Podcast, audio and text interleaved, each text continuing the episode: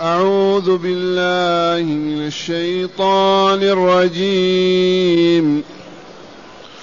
احشروا الذين ظلموا وأزواجهم وما كانوا يعبدون من دون الله. وما كانوا يعبدون من دون الله فاهدوهم إلى صراط الجحيم وقفوهم انهم مسؤولون ما لكم لا تناصرون بل هم اليوم مستسلمون واقبل بعضهم على بعض يتساءلون قالوا انكم كنتم تاتوننا عن اليمين قالوا بل لم تكونوا مؤمنين وما كان لنا عليكم من سلطان بل كنتم قوما طاغين معاشر المستمعين والمستمعات من المؤمنين والمؤمنات. بالآيات التي تدارسناها بالأمس جاء قوله تعالى ونفخ في الصور فإذا هم فإن فإنما هي زجرة واحدة وهي نفخة إسرافيل فإذا هم ينظرون. وقالوا يا ويلنا هذا يوم الدين هذا يوم الفصل الذي كنتم به تكذبون هذا اللوم والعتاب فيما بينهم. هنا يقول الرب تبارك وتعالى لهم احشروا يا ملائكتنا أيتها الزبانية احشروا الذين ظلموا وأزواجهم. احشروهم في جهنم. احشروا الذين ظلموا. يا معشر المستمعين والمستمعات احذر عبد الله احذر أمة الله أن تكوني من الظالمين. والظلم وضع الشيء في غير موضعه. الظلم وضع الشيء في غير موضعه. ومن أظهره أن تعبد غير الله. فتضع عبادة الله في من لا يستحقها. وهو مخلوق مربوب يموت. فكيف تعبده بعبادة الله؟ كدعائه كالاستغاثة به كالحلف به كالعكوف حول قبره كالاضطهاد إلى غير ذلك من أنواع الشرك كالذبح له كالنذر له.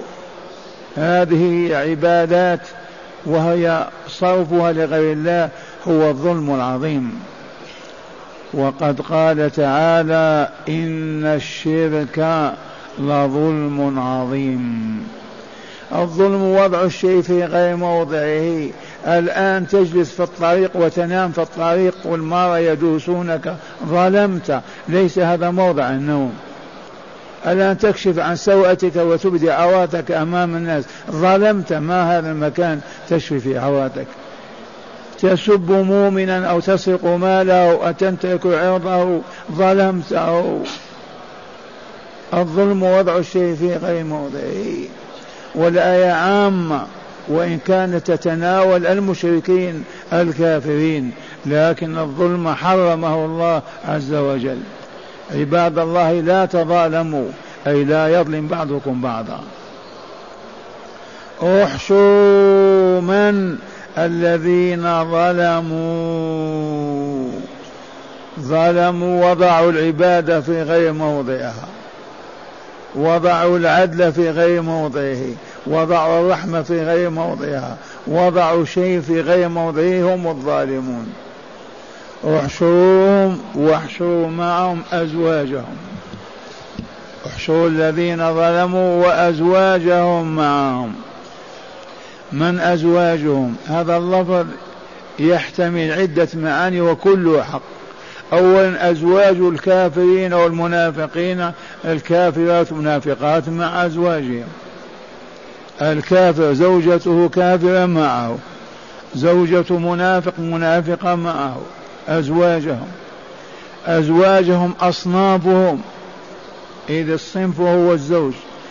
منافقون كافرون دجالون كذابون معهم.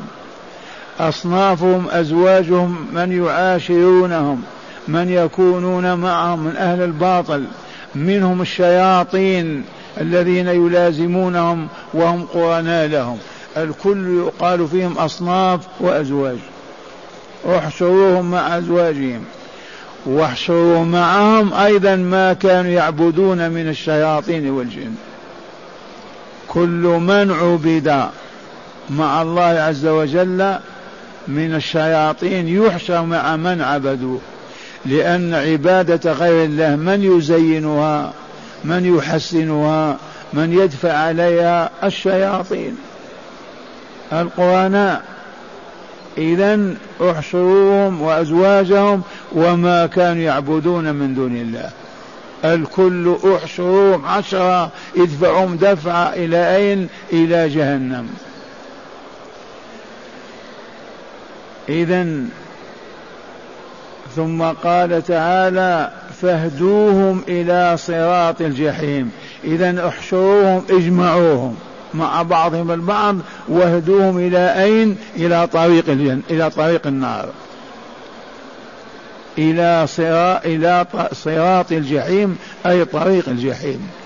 والجحيم هي الدركة الرابعة في جهنم.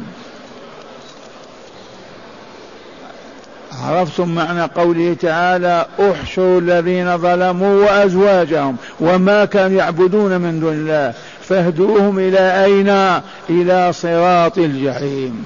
اجمعوهم في ساعة فصل القضاء. هم وشياطينهم ومن كان على الكفر معهم ويدعونهم واهدوهم إلى بين لهم طريق الجحيم. صراط الجحيم. ثم قبل أن يمشوا. وقفوهم قفوهم. وقفوا وقفوهن إنهم مسؤولون. وقفوهم. قبل ما يدخل الصراط الجحيم مسؤولون أولا يسألون. وفي هذا تعليم لنا وتربية لنا. وقفوهم وقفوهم إنهم مسؤولون. قبل أن يدخلوا النار وهم في الطريق قفوهم إنهم مسؤولون يسألون وبعد ذلك يدخلون جهنم وقفوهم إنهم مسؤولون. هيا الأسئلة ما هي؟ أولا ما لكم لا تناصرون؟ ما كنتم في الدنيا ينصر بعضكم بعضا. وتتعاونون على الباطل والشرك والكفر. الآن ينصر بعضكم بعض. ما لكم لا تناصرون. هذا السؤال يزيد في آلامهم في كربهم في حزنهم في بلاهم في عذابهم وإلا لا.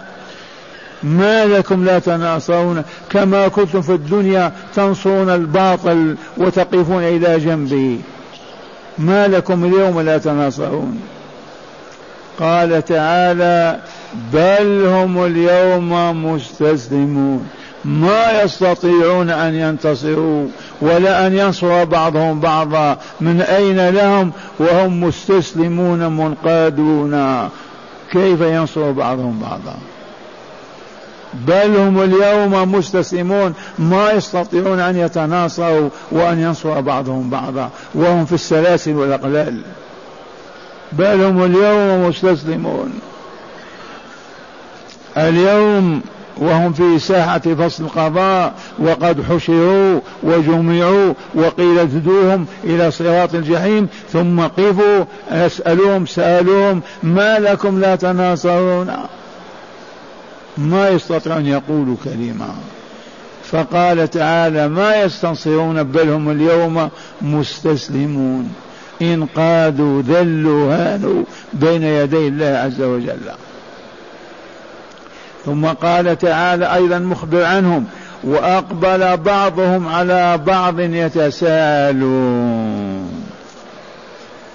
يا شيخنا أنت الذي قدتنا إلى الباطل والشر. أنت الذي علمتنا عبادة القبور وأولياء الله. أنت الذي قلت لنا اذبحوا لها وتقربوا الله بذلك.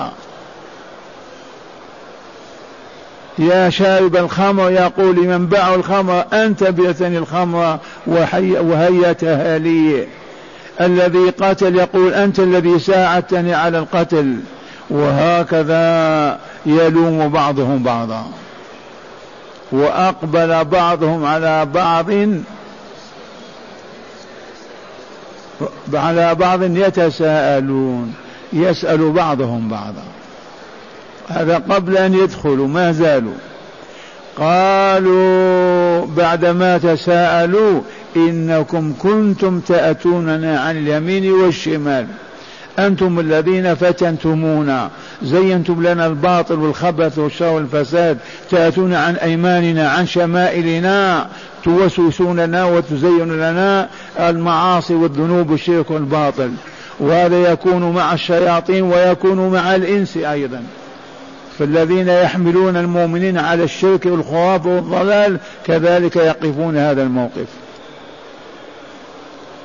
وأقبل بعضهم على بعض يتساءلون قالوا إنكم كنتم تأتوننا عن اليمين. إن شئت تقول عن الإيمان تصرفون عنه تأتون من جهة اليمين بالقوة لتمنعوننا. زيد كلمة الشمال تأتون من عن أيماننا وعن شمائلنا تفتنوننا وتصرفون عن التوحيد وعن عبادة الله كما نشاهد في البشرية. هذا موجود الآن في العالم. دعاة الضلال دعاة الباطل دعاة الشر ذي مهمتهم وإلا لا. يزينون القبائح يزينون الشرور المفاسد لولا تزيين الشياطين للخمر من يشربها؟ وهو مؤمن. هذا الدخان والعياذ بالله هذا التبغ هذا الذي يتكالب عليه الجهال والجاهلات هذا لولا تزيين الشيطان يحسن بالمؤمن أن يفعله. أسألكم بالله مؤمن صالح يلطخ فمه ماذا يستفيد من الدخان؟ يقوى بدنه يكثر ماله يرتفع شأنه ما الذي يحصل؟ والله ما يحصل شيء من الخير. فكيف إذا يصر عبد الله أو أمة الله على التدخين؟ ما الذي يدفع إلى هذا؟ الشياطين. هم الذين يدفعونهم إلى هذا. فيلومونهم إنكم كنتم تأتوننا عن اليمين وعن الشمال أيضا. ثم يقول القرناء الشياطين قالوا بل لم تكونوا مؤمنين. أنتم ما كنتم مؤمنين. وهذا صحيح أيضا. ما كنتم مؤمنين. لو كنتم مؤمن صادقين والله ما نقوى على إفسادكم وإغوائكم أبدا. هل العبد الصالح المؤمن الصالح تستطيع أن تغريه بالزنا والفجور؟ والكذب والخيانة ما تستطيع لقوة إيمانه.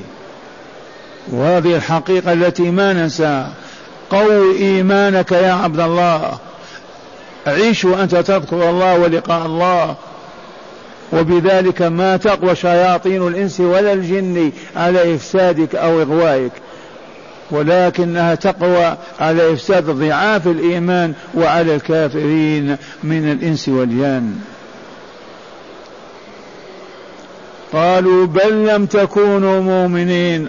أساسا ما تلومونا على أننا أغويناكم وحملناكم على الباطل والشرك والكفر والفسق والفجور بل أنتم ما كنتم مؤمنين. وهذا صحيح. وما كان لنا عليكم من سلطان. كذلك لما تشتكي انت ابليس إلى الله. ابليس يقول أنا حملتك على الكفر بالسلاح يعني منعتك من الطعام والشراب مجرد تزيين وتحسين فقط.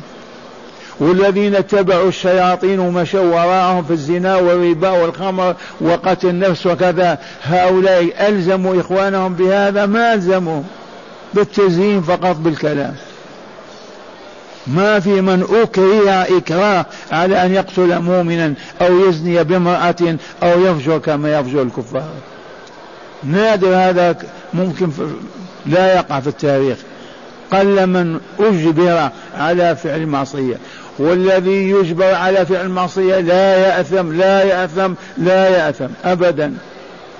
الذي أكرهت عليه لا إثم فيه أبدا. لكن على شرط الإكراه بالحديد والنار. تقول كذا أو تسب كذا. وهذا مرفوع عن هذه الأمة.